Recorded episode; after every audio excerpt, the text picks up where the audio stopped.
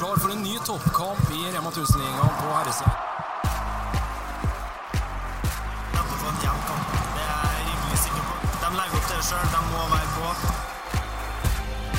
Ja, Det viser litt hvor eh, gode duellspillere vi har med å gjøre. Meget godt gjort av Setterblom.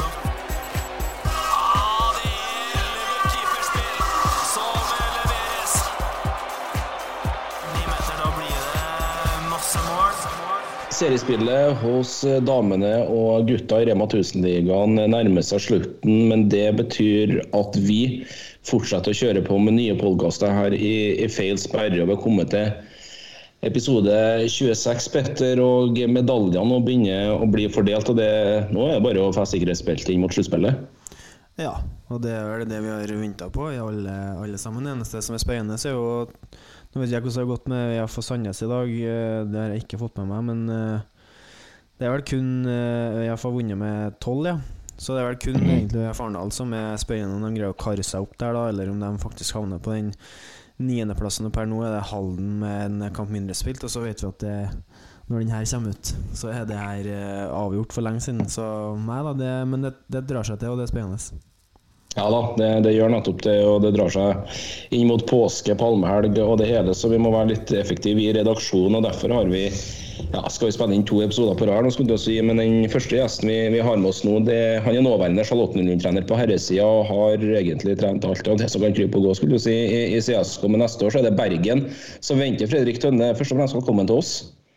Takk for det, og takk for at jeg fikk være med. Ja, nei, Det er like artig for, artig for oss. og Jeg tror egentlig vi bare starter rett på. altså Det, det er Bergen som venter neste sesong. Det er fortsatt litt usikker på om det blir førstedivisjon eller eliteseriehåndball. Hvordan ser du på, på å flytte ned til Bergen først og fremst, og ikke minst ta over laget? Eh, Jeg gleder meg veldig til det. Jeg synes jeg var, Når det dukka opp muligheten å, å hoppe på det prosjektet der, så det var ikke noe min nøling, for å si det sånn. Jeg synes det er et kjempe, kjempespennende prosjekt som jeg gleder meg veldig til å få lov til å ta del i. Hvordan Kan du fortelle oss litt eh, prosessen rundt eh, hvorfor Bergen valgte akkurat det? Ja, eh, det starta vel kanskje litt i, i fjor sommer, tror jeg. Eh, som gjorde at det endte opp her. Jeg var med 02-landslaget til Portugal eh, på videoanalyse. Og der er jo Vidar Gjesdal, som er nåværende bergenstrener, en del av trenerteamet. Eh, så ble jo kjent med han nedi der, egentlig, og så holdt vi nå litt kontakt. og etter hvert, når han fant ut at han ikke hadde lyst til å fortsette som hovedtrener neste år, så ble jeg nå spurt om vi kunne ta noen samtaler og litt sånn. og ble nå etter hvert noen møter og intervjuer sånn med både han og med Andreas Eitrem og litt andre folk fra klubben. Og så fikk jeg muligheten, da. Fantastisk. Det, det blir utrolig spennende. Det blir jo litt sånn man må spørre, da. Utrolig dumt spørsmål, men for, foretrekker du å starte i Eliteserien i Bergen neste år eller i førstedivisjon? Det er mange som har stilt akkurat samme spørsmål. Eh, egentlig ganske sånn avslappa i forhold til det der. Eh, jeg har på en måte null påvirkning på det, i hvert fall nå når vi har gjort unna både Bergen og Sandefjord etter jul her nå, så er det ikke noe mer innvirkning vi kan ha på verken den ene eller andre veien. Eh, så jeg tenker både førstevisjon og elite kan, kan være fint. Det er på en måte fordeler og ulemper med, med begge deler for min del. Så har egentlig ikke noe sånn veldig sterkt forhold eller ønske til om det blir det ene eller det andre. på en måte. Vi kan jo begynne med lytterspørsmål fra Jørgen Dybwad. Eh, han spør eh, tror han, tror han at han kommer til å ta over et lag i førstedivisjon eller Eliteserien. Hva blir eventuelt Ja. lettest til neste sesong? Holde seg i Eliteserien eller rykke opp fra førstedivisjon? Mm. Um, jeg tror det blir et elitelag, uh, men jeg tror vi får svaret på det kanskje allerede på, på onsdag. Da møter Bergen Viking TIFF, som blir en nøkkelkamp. Eh, de er jo tre poeng bak Sandefjord nå med én kamp mindre spilt. Eh, så ryker de for Viking TIFF nå, så tror jeg det kan bli tungt. da. Men jeg tror eh, Bergen kommer til å slå Viking på, på onsdag nå. Jeg syns Bergen har sett veldig bra ut etter jul. Viking kanskje litt sånn dabbende i forhold til det de gjorde i første halvdel av sesongen. Så jeg har trua på en seier der, og da tror jeg det, det avhenger litt av resultatet mellom Sandefjord og Viking igjen, som er runden etter. Men eh, Jeg tror kanskje det hele blir avgjort nest siste serierunde når det er Bergen-Sandefjord. Bergen har den på hjemmebane, så da tror jeg Bergen tar det lengste strået og rykker direkte opp til Eliteserien i år. Ja, Spennende. Eh, Litt der du er nå, Fredrik, og der har du vært i, i, i mange år. Du har trent både damelaget og, og nå herrelaget de siste årene. Du har vært i to NM-finaler med, med CSK på gutte 20-sida. Kan du fortelle litt om reisen du har, har, har og har hatt i talentfabrikken CSK? Ja, eh, jeg har vært i klubben og altså inkludert som spiller i 21 år i strekk, faktisk. Eh, Ti år som trener nå, sammenhengende. Litt som det var innom, jeg har trent mye forskjellig. både gutter, og jenter, rekruttlag, eh, damelaget til Charlottelund i første divisjon og nå, nå herrelaget. Så det har vært ei eh, innholdsrik og veldig lærerik eh, reise. Det er ikke noe tvil om det. Nei, det, Peter. Hvordan har du jobba for liksom din egen utvikling som håndballtrener? da? Hvordan har du, du har, Jeg regner med du har vært målbevisst, det målet der for å, for å, komme, for å være eliteserietrener i den alderen du er. Du har ikke bestemt deg, Mm. men hvordan, har du jobba? Hva har vært dine liksom eh, Ja, hvilke triks har du? Hva kan du fortelle til resten av verden som eh, òg vil bli trener på høyt nivå? Eh, trikset, i hvert fall når du ikke har en veldig stor spillekarriere, og hvis det er nok at det krever en enorm dedikasjon. Eh, det, er, det er ikke noe snarveier, det er hardt arbeid over tid. Eh, så sånn For min del så var jeg veldig heldig med ressursene vi hadde i egen klubb. Eh, Starta som trener som 17-åring. Da var jeg assistent for Erlend Sagosen i to-tre sesonger. Eh, Etter hvert, når jeg trente et guttelag i klubben, så var jeg så heldig at Jørgen Laug kom inn som førstedivisjonstrener. Eh, Fikk lov til å være med og på en måte som trener opp til, til førstedivisjon. Fikk lov til å være med på videomøter, kamper. Han var også med, med laget jeg trente, både på trening og på kamp. Og, vi hadde liksom, og det har vi fremdeles, da, daglig kontakt der vi diskuterer håndball. Så det, det har nok vært helt avgjørende for min del. Eh, få lært masse av både Erlend og, og Laug spesielt i, i CSK. Og siste året nå eh, fått lov til å ta del i litt, i hvert fall i det Kolstad holder på med, og fått lært mye av både Kristian og, og Gomo der. Så ja, hardt arbeid over tid og, og mye flinke mentorer, for å kalle det da, som har vært viktig for min utvikling på veien. Eh, Du nevner jo Jørgen Laug, annet. Han kan jo si, har starta samme reisen som, som du er i ferd med, med å starte på, med at han jo da har gått, eh, reist fra Trondheim og da til, B, til BSK som en eliteserietrener. Hvor mye har du brukt han som sparringspartner før du tok den avgjørelsen at uh, du flyttet til Bergen? Jeg brukte en del. Eh, han var jo veldig på og anbefalte meg på en måte at det der bør du hoppe på. da. Det er litt som han sa, det, det er lett å på en måte gro fast litt som trener i, i Trondheim også. Eh, det er dessverre litt sånn at det, det finnes kanskje flere muligheter utenfor byen akkurat nå. Eh, du har liksom, du har Byåsen på damesida, så har du Kolstad på herresida som er i Eliteserien. Eh, det er litt sånn begrensa økonomisk, i hvert fall eh, hvilke muligheter det er for å kunne, eh, kunne videreutvikle Charlottenlund-prosjektet og kunne eventuelt prøvd å ta dem opp til Eliteserien. Så da ja, Jørgen var i hvert fall veldig tydelig på hva han mente, og eh, endte jo opp med å, med å gjøre det på en måte han anbefalte, for å, for å kalle det det. Er Jørgen Løg egentlig en sparringspartner, eller er han en som forteller deg For rek, Man rekker jo ikke å si så mye når man prater med Jørgen Løg, eller? Det går ikke ja, det gjør det. Uh, nei, jeg vil absolutt si at han er en sparringspartner. Ja. Uh, har mye gode råd, og vi, vi diskuterer fortsatt daglig vi, om det er på melding eller telefon. Så vi, han har vært viktig for, for min del. Ja. Berge og, og Gomo, da tok du en prat med dem òg før du, før du bestemte deg? Ja, uh, jeg gjorde det. Og dem òg hadde jo litt samme råd, egentlig. da, at det, De syntes prosjektet hørtes veldig spennende ut, eh, og syntes det virka som en bra mulighet for min del. Og ja, syntes jeg fikk gode råd rundt meg, og sånn, og da, da var det ikke noe mye tvil lenger. da.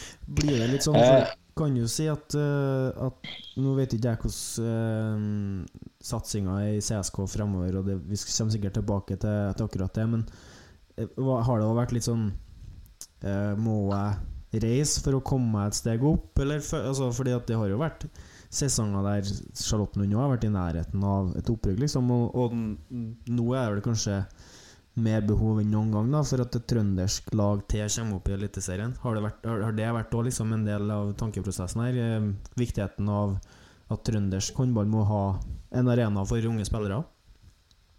Ja, det er helt klart. Eh, Jeg håpa jo litt når vi gikk inn i sesongen at vi skulle eh, ja, kanskje få, få litt flere sponsorer og skape litt mer blest. Og kanskje kunne prøve å nærme oss noe som kunne være et fundament for å satse skikkelig. da.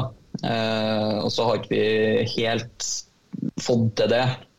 Men det er klart at det var en del av det var en del av vurderinga. Det er ingenting som har vært kulere enn å, enn å kunne rykke opp med Charlottenlund og etablert dem som et eliteserielag. Det har vært en stor drøm. Men uh, sånn som det ser ut i dag, i hvert fall, så, så virker det som Charlottenlund forblir en utviklerklubb. Uh, og har jo en ekstremt viktig rolle i, i byen der. Uh, jeg syns vi er blant landets aller beste på å utvikle og få frem unge talenter. Vi er helt avhengig av god rekruttering både i egen klubb og ellers i Trondheim også for å ha, for å ha spillere på førstesjonslaget vårt. Eh, noe som også gjør at vi, vi satser ungt. Da. Eh, vi, vi gir ungguttene muligheten til å og De får tillit, de får sjansen til å, til å ta steg i førstesjon til oss.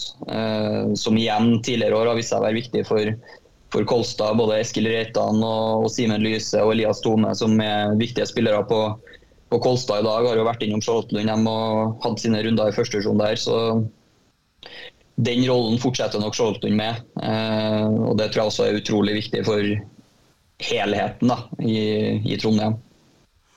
Eh, litt tilbake til Berge og Gomo samarbeidet. Eh, erfaringene du tar med derifra. Fredrik, vi har en god del lyttere her som er sånn skikkelig skikkelig håndballnerder. Så lurer på om du kan beskrive det litt sånn overfladisk hva du tar med deg, og litt sånn på detaljert nivå da, innenfor håndball. Hva du, du, du snakker med Gomo og Berge om? Ja. Eh, det har vært et veldig sånn, positivt samarbeid helt fra starten av. Eh, vært veldig sånn raus. De deler alt. Det er, liksom, det er full tillit omtrent på får så mye innsikt som man ønsker. Jeg Får lov til å være med og observere treninger. og Jeg hadde med Berge på, på kamper til oss i første divisjon òg, der på en måte formålet har vært å, å hjelpe meg litt og prøve å komme med litt innspill på, eh, på en måte trenerrollen min. Så de har vært, eh, de har vært viktige år og har lært, lært masse av begge to. Eh, på alle nivåer, egentlig. En ting er det rent håndballfaglige, men også de har jo Viken på fysisk, de har mentale ressurser. Så du får liksom et innblikk i, i hele pakken da, på hvordan det er å være på, på toppnivå. Så Det har vært veldig lærerikt. Så det er klart at det er mye derfra jeg tar med meg. Eh, rent håndballfaglig også, så er det mye, mye detaljer i spillet. Mye terminologi og begreper og sånne ting som, som vi har praktisert i Charlottenlund i år, for å gjøre det så likt som mulig når vi er samarbeidsklubber. Som jeg kommer til å ta med videre til Bergen også. Det går jo ikke egentlig en episode av denne podkasten der du spør hver eneste gjest om, om prosjekt Kolstad. Da er du en nærliggende faktor å, å spørre om akkurat det. Vi begynner å druse inn mot, mot sluttspill her, og det blir jo helt sikkert en, en batalje mot, mot Elverum. Eh, Hva tenker du? Jeg er først og fremst eh, ekstremt eh, positiv og glad for det Kolstad har fått til. Eh, jeg tror det er viktig for norsk håndball for å videreutvikle produktet og interessen. Eh, jeg kan jo se for meg at uten at jeg har noe tall på det, men de bortekampene Kolstad spiller, så tipper jeg at det, det er nok de kampene der eh, hjemmelaget har flest tilskuere. Eh, og det, Jeg tror ikke det blir noe mindre neste år, når Sander og Gjøran og, og Magnus eh, stiller opp i Remmenhallen eller mot Fjellhammer eller Elverum eller hva det måtte være. da. Så der, eh, Selve prosjektet er jo kjempespennende. Eh, Så blir det jo spennende å se nå inn mot et sluttspill om den, eh, det tapet som måtte komme mot Fjellhammer, vil ha noe innvirkning på sjøltillit og litt sånn den tryggheten de har hatt, eller om det, om det bare vil ri av og de cruiser inn mot et sluttspillgull også, som vi både tror og håper på. Ja, nei, Det blir utrolig spennende. Det, jeg klarer nesten ikke å vente sjøl til, til det her begynner. Det blir, det, blir, det blir, tøft. Men litt over til, til, til CSK. Igjen en veldig god kjenning av deg, som du sikkert kanskje har spilt med, men har trent i, i Peri Almberg. Sendte inn en god del spørsmål til oss. Men ja. uh, først og fremst uh, forskjellen på å trene et damelag og et herrelag i, i førstedivisjon. Ja. Uh, nei, jeg syns sånn rent faglig så er det ikke så veldig stor forskjell. Eh, det altså, Spillet er på en måte akkurat like avansert, eller ikke avansert, på en måte. Eh, forberedelsene er de samme. Opplegget og treningene er stort sett det samme, så jeg ser ikke noe sånn syns ikke det er noen veldig store forskjeller også, som, som, liksom peker seg ut. Du kan jo ta Jon Arne Riise nå og si at du må det er ti ganger så vanskelig på eh, dametrening, men det, det, er ikke så stor forskjell, altså. Nei, sånn, sånn, jeg opplever ikke det. Et sånn mellommenneskelig, da, men jeg er manager uh, people skills, liksom. Merker du noe eh, be, bevisst annerledes når du trener et herrelag enn et damelag? Uh, var, kjente jo damelaget ganske godt da når jeg hadde dem, så jeg visste på en måte litt sånn uh, Akkurat sammen med guttene òg. Hvem kan du være litt kvassere til kanskje i tilbakemeldingene? Hvem må du være litt mer forsiktig med? Uh, men jeg syns ikke det er noen sånn spesielt stor forskjell på, på, kjønn. Det er mer individuelle forskjeller. Så det er jo viktig som trener å, å kjenne spillerne sine og vite hvem man kan altså, hvordan de fungerer best da, i forhold til tilbakemeldinger og kampledelse, og hva som skal til for at de presterer og utvikler seg optimalt. Eh, så jeg tror nok det går mer på treneren der i forhold til det å bli kjent med individet og, og på en måte personen bak, og ikke bare håndballspilleren. da. Så der, Det tror jeg nok er, er ganske likt, og spillerne er ulike. Du har liksom vi har 20 stykker i stallen vi på herrelaget nå, og alle er 20 ulike individer som må gjerne behandles på 20 ulike måter. og Det tror jeg nok er, helt likt på, på jentesida også. Jeg fortsetter litt med, med Perje her. Du var kanskje litt inne på det i sted, Tønne. Men eh, hva mener du egentlig CSK må gjøre for å opprettholde en konkurransedyktig seniorsatsing kommende sesong? Um, jeg tror nok En ting som er veldig fornuftig, som jeg håper vi fortsetter med, er å, fortsette å være en samarbeidsklubb med, med Kolstad. Eh, det gir jo oss noen klare fordeler i forhold til at vi kan, altså Kolstad kan dytte noen spillere ned til oss hvis det er behov, eller hvis det er lite spilletid på enkelte til dem. Det gir også noen klare fordeler for oss i forhold til kompetanseutveksling, eh, både på klubbnivå og på, på trener- og på en måte spillernivå. Um, så er det også et trekkplaster på spillere direkte inn til oss. at det er, sånn som Når det er internasjonal uke nå, så hadde vi med seks gutter fra oss som trente fast med Kolstad hele uka. Så det er jo klart at det, det er attraktivt. Mm. Og det, det gir, gir, muligheter og på en måte en helhetlig utviklingshverdag for de beste. Da, som jeg tror kan gjøre at flere ønsker å bli, bli værende i CSK litt til. Eh, så det samarbeidet med Kolstad tror jeg er nok avgjørende sånn rent langsiktig så tenker jeg at det er viktig å prøve å skape et tryggere økonomisk fundament enn det som eksisterer akkurat i dag. Så jobbe mer aktivt med å skaffe sponsorer og skape ei litt bedre ramme for, for utøverne og for å lykkes sportslig. Da. Det tror jeg er viktig. Høres ut som det er mye, mye, mye riktig der. Altså, hva, hva er den beste restauranten i Gøteborg? der er jeg det er litt sånn intern eh, greie. Vi var jo på trenerkurs eh, i januar her nå under mesterskapet i Göteborg. Så um, Siste kvelden her så dro vi jo ut på, på et utested. da, Nesten hele gjengen, men vi ble en liten sånn, en liten ekstragjeng der på en måte som vi, på ene utestedet vi dro. da, så Vi har jo ei Snapchat-gruppe som er oppkalt etter det utestedet. som vi så jeg så det, det tikka inn noen, noen meldinger der på spørsmål de hadde tenkt å sende inn og sånn i dag. Så jeg ser at det er et par av guttene som er medlemmer i gruppa som har vært aktive på, på Twitter her. Plassen heter da Lounge, som også er navnet på, på Snapchat-gruppa. Nydelig. Fantastisk. Eh, du reiser jo til Bergen nå. Eh, og i hvert fall, Det er ikke noe offisielt, vi har ikke sett noe om det ennå. Men eh, hvem blir trener i CSK neste år på herresida? Det vet jeg faktisk ikke. Såpass uh, ærlig skal jeg være. Det kan være at det, at det er sluppet når podkasten er sluppet, det vet ikke jeg. Mm. Men jeg vet at det jobbes med fire-fem kandidater. Mm. og mer enn det, det vet jeg faktisk ikke. Det er jeg veldig spent sjøl. Da skjønner jeg at da, du, du, har ikke vært med nå i prosessen på en måte med, med å få tak i en erstatter? Eh, lite grann. Eh, jeg har blitt spurt om hva tenker du, altså hvilken type tenker du er fornuftig, og eh, hva tror du om, om den eller den, på en måte. Så jeg er litt involvert, men jeg er ikke noe sånn veldig, veldig involvert. Det er ikke jeg. Det vokser jo ikke eh, altså Førstedivisjonstrenere det vokser jo ikke på trær. Det er liksom eh, nå er vi, det, det er jo noen trøndere nå, liksom, spesielt i årgangen til mm, litt sånn rundt Gommo med, med Steffen Stegavik og Eirik Høgdal og De er sikkert litt gamle, da, men Fredrik Ruud og, og Laug, og så kommer du. Men, men er det jobbes det, jobbes det med, med trøndere, eller, eller, har man liksom Ser man, ser man på hele landet? For at, nå har det jo vært trønder på trønder på trønder på rad rekke i CSK i ja, alle de år. Det har ikke vært noen Det er jo ingen mm. som som ikke har vært trondheimere, eh, men man, eh, har man måttet gått bredere den gangen her? Uh, de er nok kanskje litt bredere, men samtidig så tror jeg nok at uh, det er primært Trondheim man ser på. Uh, det er litt sånn en del av Altså når jeg kom inn på, på herrelaget, så hadde ikke jeg noe, hadde ikke noe seniorerfaring som herretrener. Eh, fikk fortsatt muligheten inn i, inn i førstevisjonen. Samtidig som Charlotte Lund er god på spillerutvikling, så syns jeg altså vi er flinke på å gi unge, sultne trenere muligheten til å utvikle seg. Eh, så jeg håper jo at man fortsetter litt i det sporet nå. Da.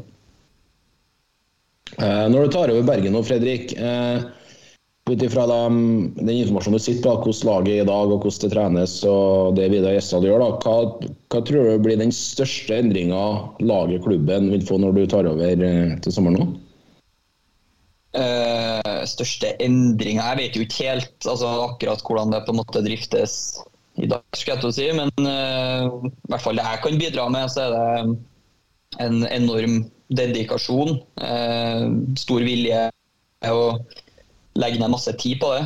Ehm, så det, det, blir en tydelig struktur på både hvordan man ønsker å spille og hvordan treningshverdagen skal se ut. og Litt sånn eh, ja, generell struktur og, og, dedikasjon fra min side tenker jeg blir, blir ting som jeg, som jeg, kommer til å ta med meg. Er, er eh, Daling og, og Dal Reitan litt sånn dominoeffekt av at du også reiser dit, eller? Ja, eh, du kan jo på en måte si det sånn. De, eh, når de tok kontakt med meg, så nevnte jeg jo samtidig at eh, vi kunne også vært interessert i, i Eskil og, og Nico. og de var jo interessert i det sjøl, så det var klart at for deres del så var det jo virka som det var et ønske at, at, jeg skulle bli med. Og fra min side så var det også selvfølgelig et ønske at de to skulle bli med. Så det ble en slags sånn pakkeløsning der, på en måte. Eh, som jeg tror alle tre var, var godt fornøyd med. Gir det en, en uh, Gir det en slags trygghet, eller? Når man uh, Dere kjenner i hvert fall Du og Nikolai har jo jobba sammen lenge. Dere har jo hatt med hverandre å gjøre uh, så i hvert fall så lenge du har vært hovedtrener i CSK. Mm. Gir det en slags trygghet å, å ta med seg to spillere til en ny klubb? Ja, det er ikke noe tvil om. Og som er veldig er, top notch førstedivisjonsspillere. Ja, eh, det er akkurat det. Altså, en ting er at jeg vet hva jeg får eh, sportslig med dem. Mm. Eh, og så er det også en, eh, en trygghet å, å, ha med to som jeg kjenner litt, som kjenner litt sånn eh, system og på en måte grunnprinsipper og litt hvordan jeg liker å gjøre ting også som også kan være viktig i gruppa for å på en måte få, få være med å sprette det her så, så, fort som mulig da, for å få ting på plass. Også er det ikke noe tvil om at vi får to, to veldig gode spillere. Eh, du skal ikke så langt tilbake i tid før eh, siden Eskil var inne på en A-landslagssamling, liksom, som sier ganske mye om det enorme potensialet som ligger der. Han fikk jo vist fram litt sist mot Arendal i Eliteserien også, der han skårer seks på sju og er ordentlig, ordentlig god. Så Nico også har jo vært Han var toppskårer i første divisjon i fjor og ligger jo i toppen nå også. Han ligger vel topp ti der, for han har mista mange kamper når han har vært utilgjengelig på spill for, eh, for Kolstad. Så vi får med oss to ordentlig gode spillere på lasset. Det er ikke noe tvil om. Spillelogistikken, sånn, eh, altså silly season i håndball er jo litt rar, for den går jo egentlig kontinuerlig. Det er ikke, noe, det er ikke to måneder på sommeren liksom, med, med overgangsmarked.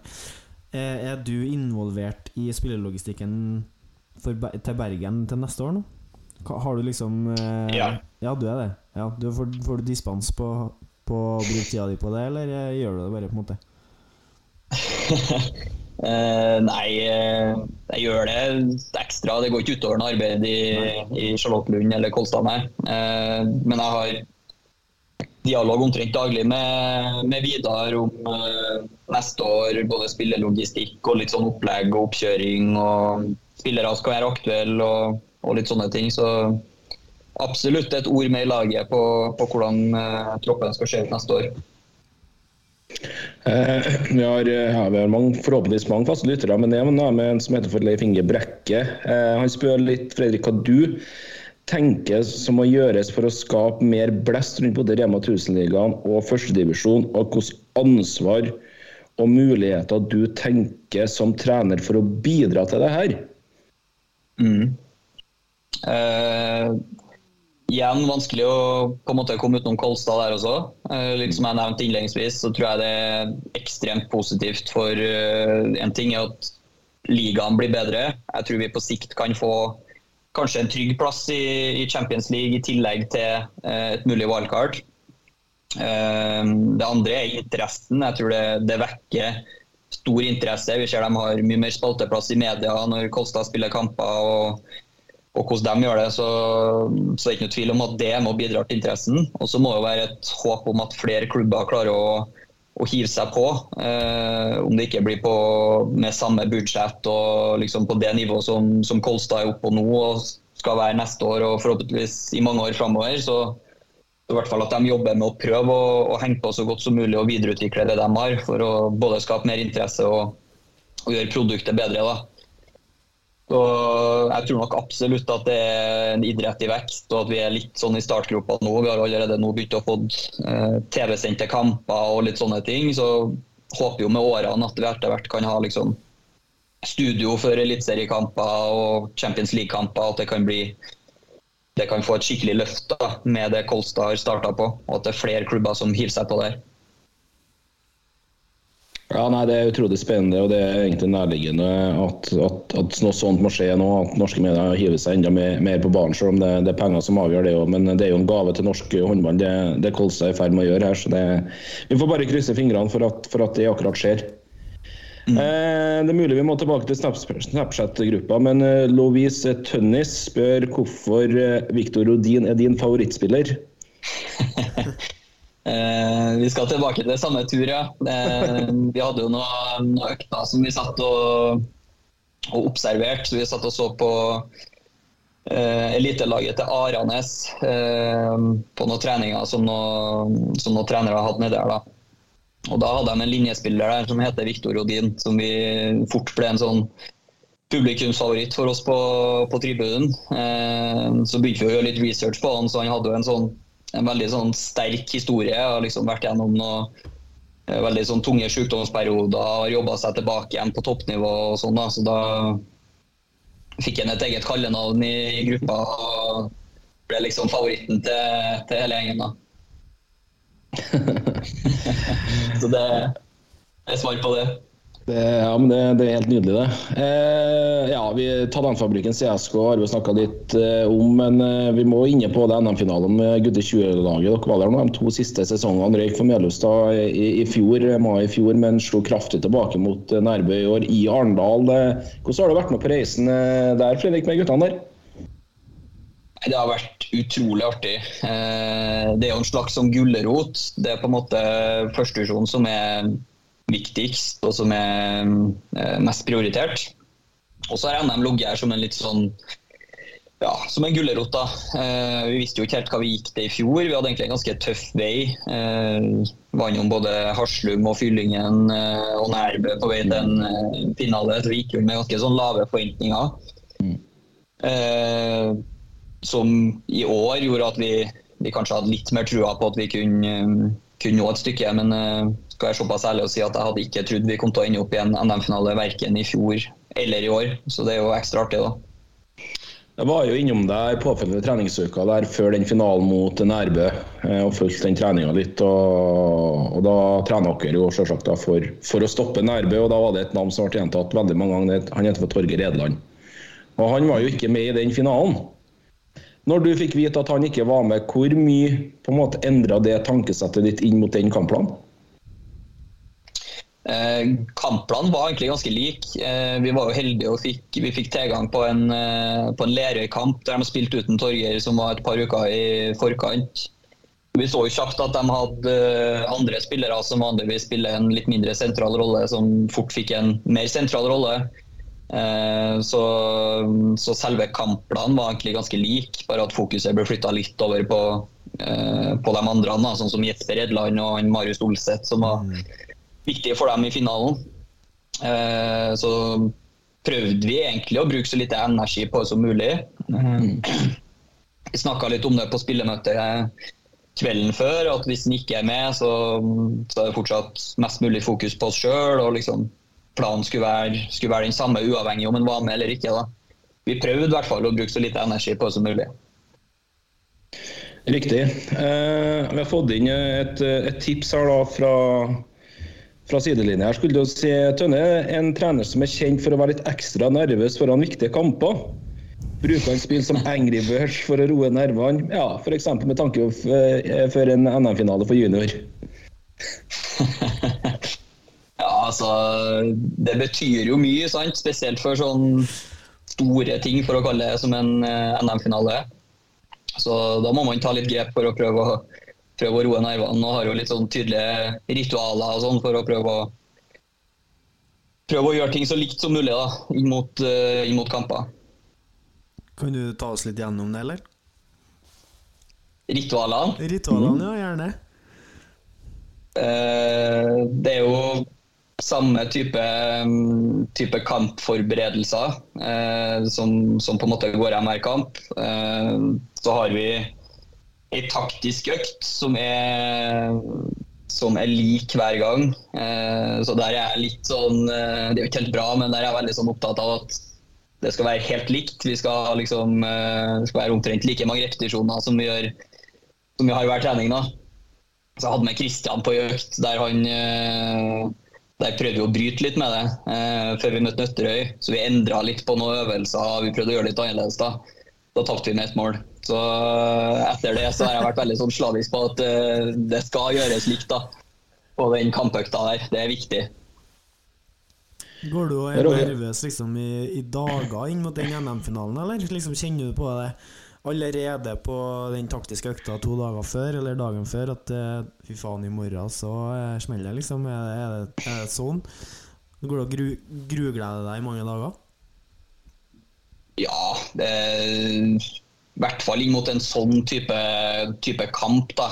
Vanlige seriekamper så er ikke så er ikke på det nivået, men det er klart når det er en, en finale i et norgesmesterskap, så kjenner man litt ekstra på det hele uka i forkant, der vi jobba inn mot den kampen. da. Men sånn til vanlig når vi spiller førstevisjonskamper, sånn, så er det ikke sånn at jeg går og tenker på i mange dager. jo flere kamper man har fått, og jo mer litt sånn avslappa blir man til det også. så jeg vet ikke om nervøs det er riktig ord, men kanskje litt mer sånn spent og eh, ja. Litt mer det, kanskje. Sånn rent spillerutviklingsmessig, da. En sånn, en sånn NM20-erfaring, hva tror du det har å si for på en måte Hvor viktig tror du det er i utviklinga av yngre spillere? Hele den her reisen, om du greier det eller ikke, men å få lov til å være med på det? Jeg tror nok det er veldig viktig, spesielt sånn motivasjonsmessig. Eh, vi har jo mange gutter som, som gleder seg ekstra når det er, når det er liksom NM. De er jo for gamle for, for Lerøy-serien og, det der. Så de, de gleder seg litt ekstra, da, i hvert fall min opplevelse, inn mot de NM-kampene. De betyr liksom kanskje bitte litt mer enn eh, enn vanlige seriekamper. Så Jeg tror nok at det er en fin gulrot å ha i en, eh, i en vanlig sesong, som eh, også gir gode referanser på hvor man ligger hen i, i løypa med gutter som er jevngamle.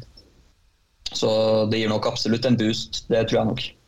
Tenker dere noe mye over, eller snakker om, i hvert fall etter denne finalen mot Nærbø Altså den i fjor mot, mot Melhus blir jo spesielt, for det er jo åpenbart to gjenger som kjenner hverandre godt, og som har spilt med hverandre Beklager, tusen ganger, skulle jeg si, men når man møter de her, sånn som Larsen og Line og Olseth og Edeland, som, som er inne og banker på og er faktisk en del med i tropper i Rema 1000-ligaen, bruker guttene noe tid på det? Vet de, er de klar over liksom hvilket nivå de guttene de spiller Selv om Torgeir Edland ville ha vært en sånn altså, helt åpenbar stor rolle i det laget, så er det fortsatt en del spillere der som tar større og større del i et Rema 1000-lag. Bruker dere tid på det?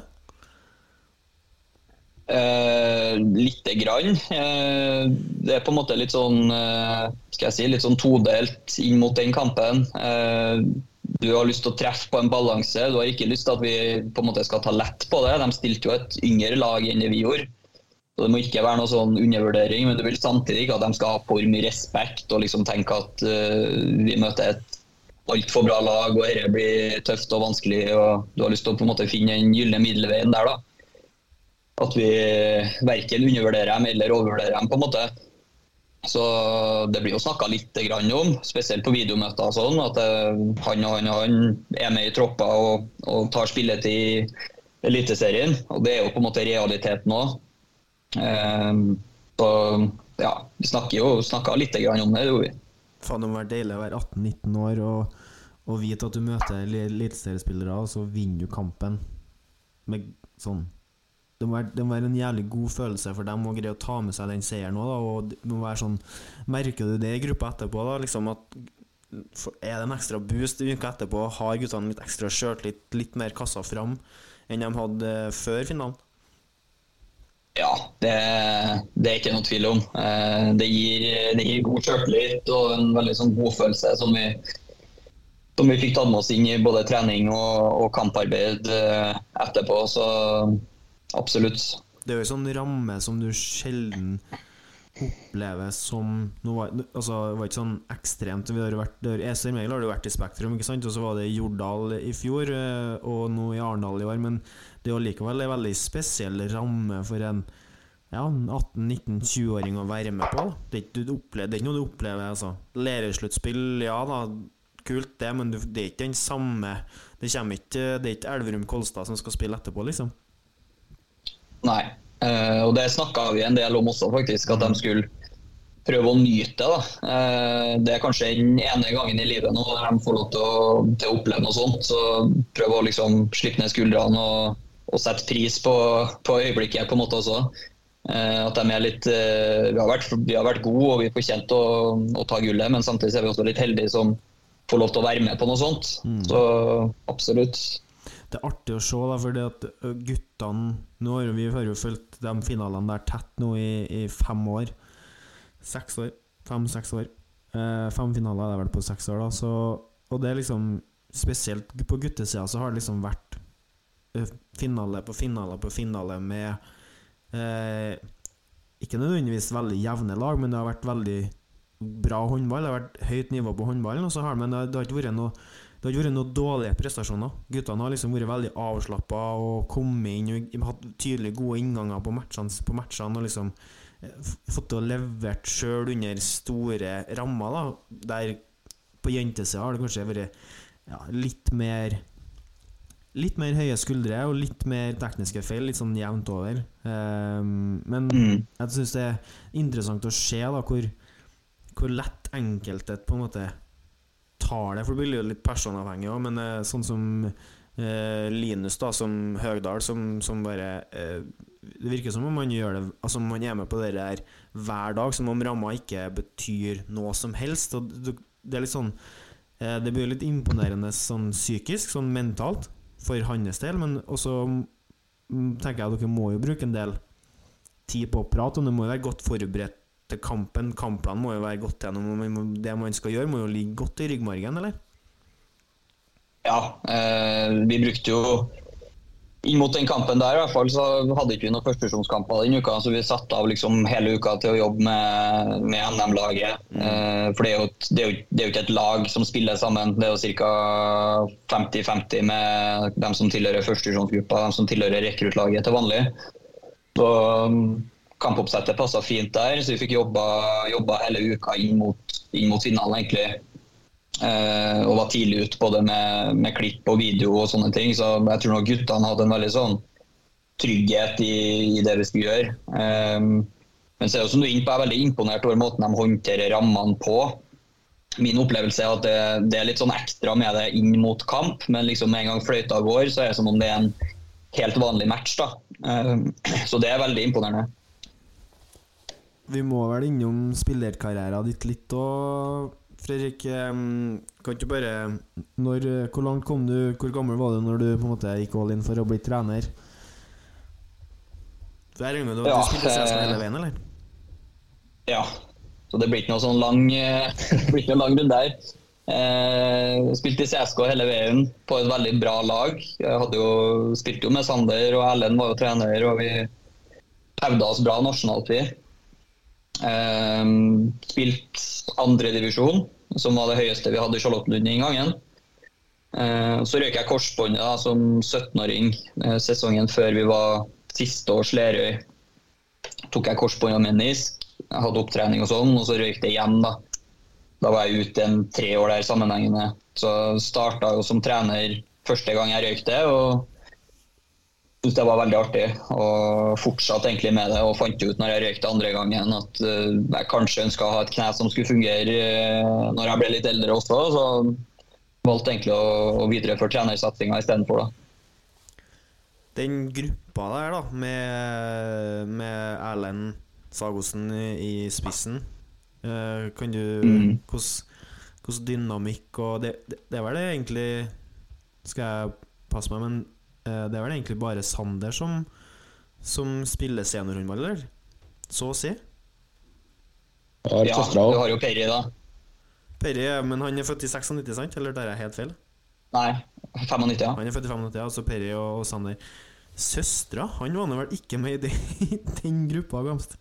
Nei, ikke den gruppa, men søstera til Sagosen spiller i CSK. Ja, ja, selvfølgelig, men av den, liksom, den årgangen, 95-årgangen, med Sander Ah. og Fredrik og Ja, nå husker ikke jeg hva alle heter, men ehm, det, det, Så det er to, men det, sånn- det er jo mer enn jeg kan skryte av av alle de 40 som var innom tidligere i den samme tida. på en måte Det er veldig lite senere, Veldig lite seniorhåndball på guttene. Lasse og Ellers er tynt, altså.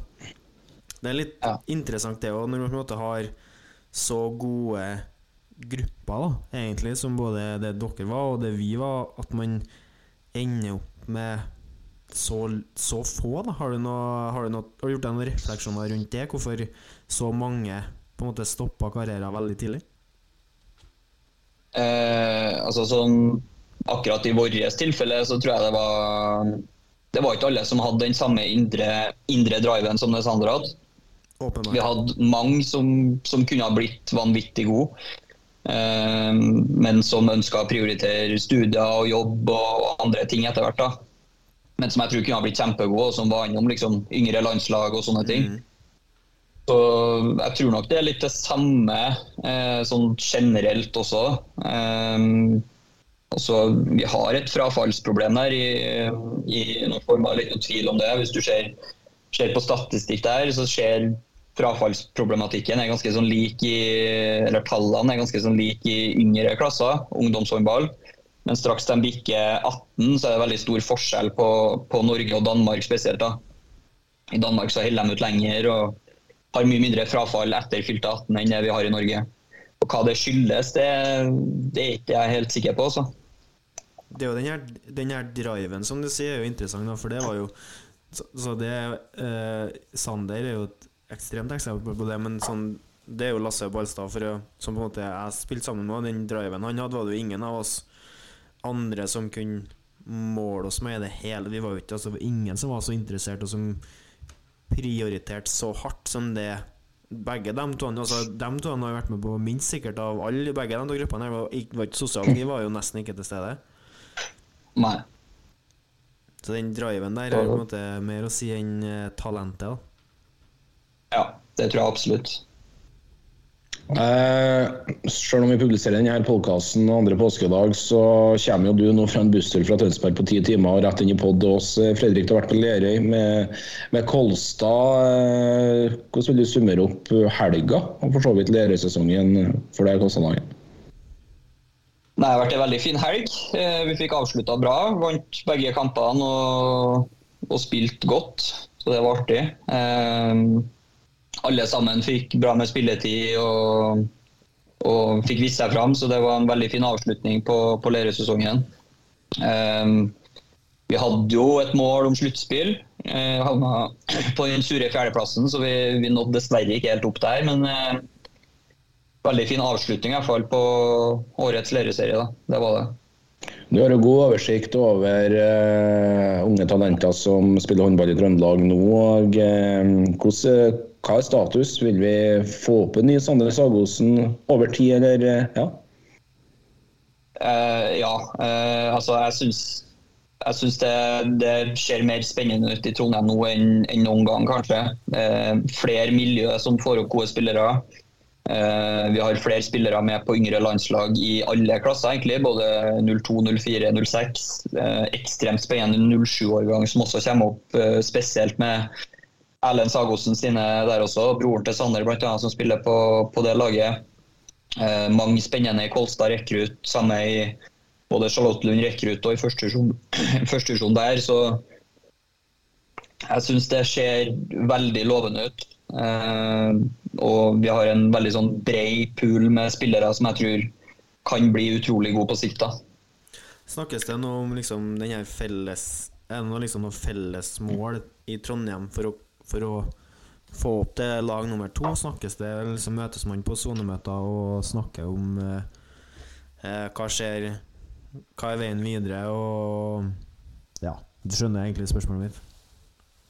Ja, eh, vi har bra dialog. Eh, både Kolstad CSK og Kolstad Melhus. Eh, og også for så vidt CSK Melhus. Så jeg håper jo at vi kan komme dit at vi liksom vi ser litt mer helhetlig på det. Eh, at ikke, ikke klubbene skal på en måte være kalle grådige og tviholde på spillerne sine og ønske å lykkes sjøl, sånn, men at vi, vi tenker mer helhetlig for, for Trondheim sitt beste. Lykkes vi med det, så tror jeg vi finner arenaer som passer, passer alle. Og jeg tror vi kommer til å utvikle enda flere eh, toppspillere også. Eh, så absolutt. Eh, Melhus virker å være litt på gang nå. Så blir det spennende å se hva de får til. Men eh, det virker jo som et ønske derfra om å, om å satse litt kommende årene da, på å nå Eliteserien. Jeg håper jo de lykkes med det. De eh, møtene som Petter refererer til, og du svarer ut på her, Fredrik, er det styrene i de forskjellige klubbene som møtes, eller er det trenerne eh, som møtes og, og har de diskusjonene her? Et typisk sonemøte er litt- er jo bare klubb Altså, det er jo hvem som helst, egentlig. I hvert fall sånn som det foregår her, så er det jo litt hvem Ja, ja, som helst. det, har det, det, det, den er grei, men dette her er jo på et litt annet, annet nivå. Ja, ja. Mm. Uh, nei, jeg vil ikke kalle det noe sonemøte. Det, det er på en måte litt mer uformelt enn det. Uh, men det har både vært styremedlemmer og også oss trenerne som har vært involvert i det. Jeg tenker også at Det er viktig at trenerne er med. Eh, det er jo dem som har mest både innsikt og som er tettest på sport og liksom spillelogistikk og sånne ting. Så mm, jeg tror det er fornuftig at eh, begge parter på en måte er involvert der. da. Både folk fra styret og ansatte i klubb, men også trenere og dem som er tettere på sport. Da. Det tror jeg er viktig for å lykkes og for å komme til fornuftige løsninger sammen. Tidlig i prosessen ennå, høres ut som. Men eh, hvor stor sannsynlighet ser du på at det er to trønderske lag i Eliteserien sesongen 24-25? da? Eh, 24-25 tror jeg blir litt tidlig. Eh, skal aldri si aldri, men eh, jeg tror det blir litt tidlig. Men 25-26 så tror jeg fort det kan være det. Eh, det blir spennende å se hva, hva Melhus får til, og, og hvilke rammer de kan eh, på en måte få, få lagt til rette for at det sportslige skal bli så bra som, som mulig. Da. Men vi har jo mange spennende talenter i, i byen, som sagt. Mye flinke Sorry. Mye flinke ressurser rundt også, både trenere og eh, Kolstad vil jo også sikkert være med å bidra litt. så nei, Det blir veldig spennende å se, men jeg tror nok det blir litt tidlig å skal håpe på et opprykk neste år. Men det, det, det ville være all, Er det i all hovedsak på en måte økonomi, eller? Som på en måte er forskjellen på eh, middels førstedivisjon, som egentlig både CSK og Melhus er sånn mellom eh, og 10, da, 6 og 11, kontra å komme seg opp liksom 2-3 og greie å komme seg inn i Eliteserien, vil det være økonomien. Fordi at trønderske håndballspillere som ønsker å bo i Trondheim, nært Kolstad, eh, gode utviklingsmuligheter, hjemme, hjemmekjær, det er jo ikke, det det ikke mangel på. Du kan jo fylle opp trønderske Altså fylle opp et eh, førstedivisjonslag med trønderske spillere som er mer enn eh, eh, drivverdighet først, altså som godt kan rykke opp fra førstedivisjon, eller? Ja, det kan du absolutt. Eh, Det er jo mange som allerede har dratt òg, på en måte, som man Ja, ja. kanskje ikke tenker på i den sammenhengen også. Så jeg tror nok eh, altså, antallet trønderske talenter er mer enn stort nok til å kunne, kunne drifte to, nei, to eliteserielag. Det er ikke noe tvil om. Eh, og så, så er det nok litt som du er inne på, at rammene, eh, i hvert fall rent økonomisk, er ikke der i dag.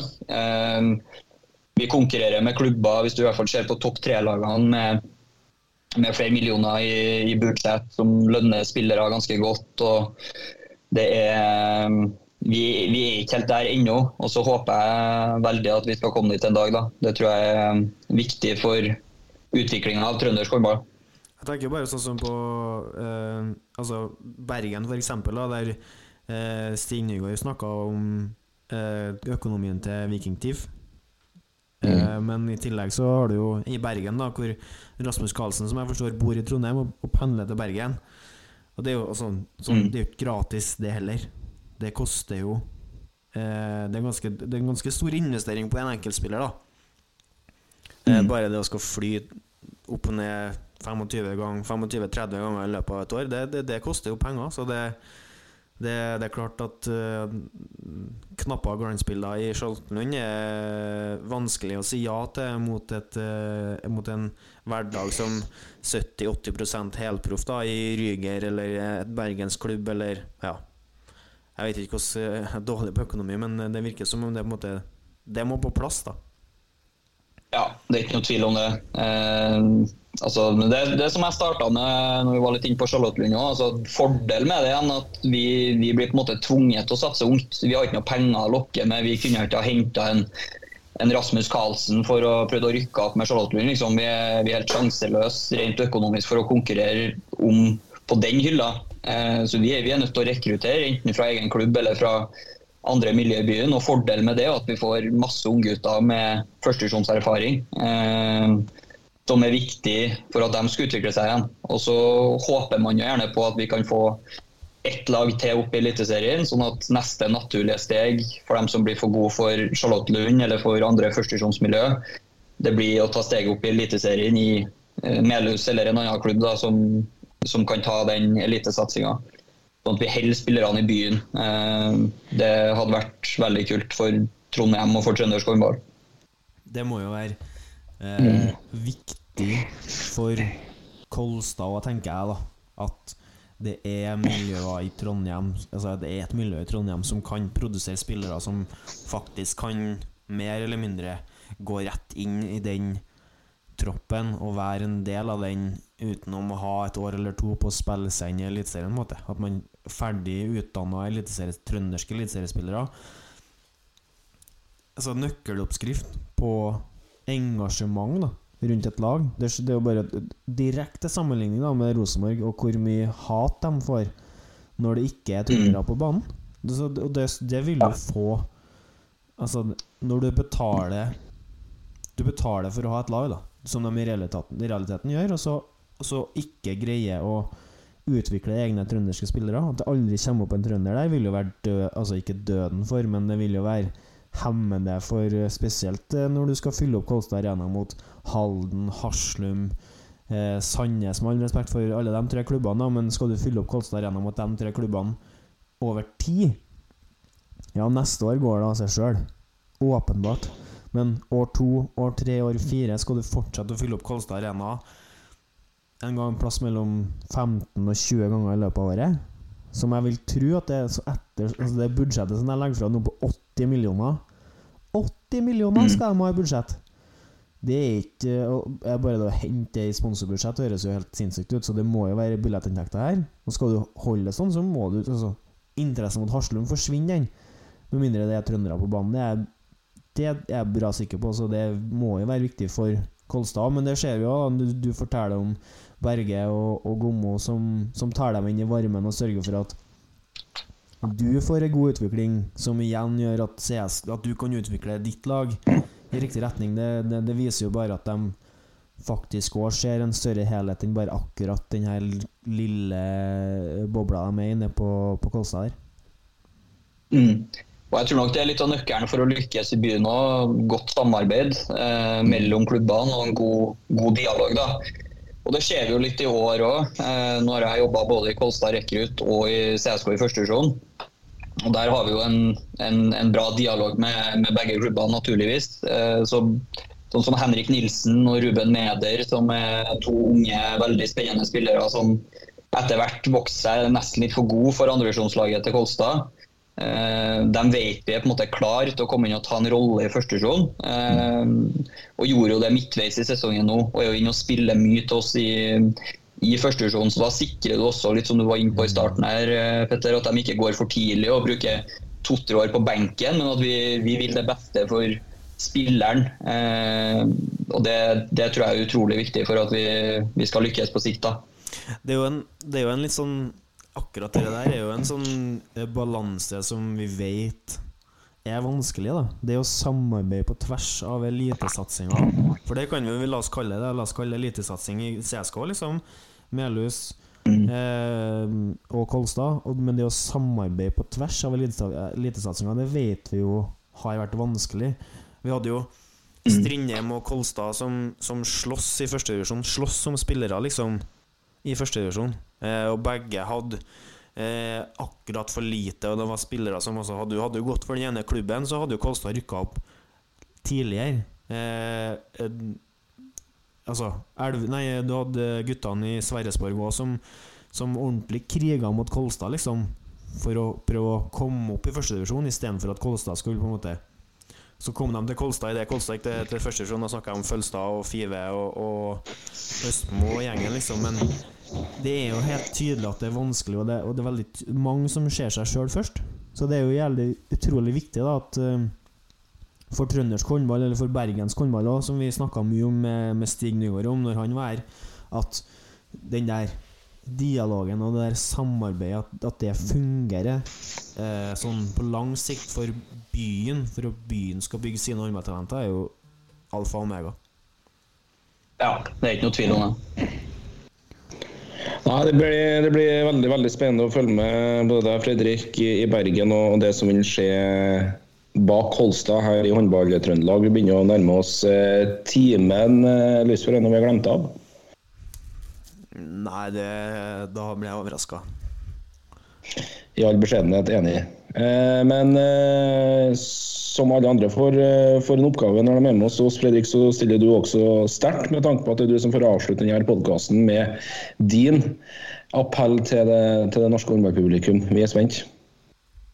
Nå syns jeg egentlig Gabriel spilte meg litt dårlig sist podkast med, med, å endre den her trenden som har starta. Jeg syns den var trygg og fin. Eh, nå, kan så, så jeg går, uh... nå kan jeg avsløre da at uh, Rune Høgseng, som, som, blir publisert mandag 27., altså dagen etter vi spiller inn, han sa det samme som resten. Så, så, du er på en måte på trygg grunn uansett hva du sier.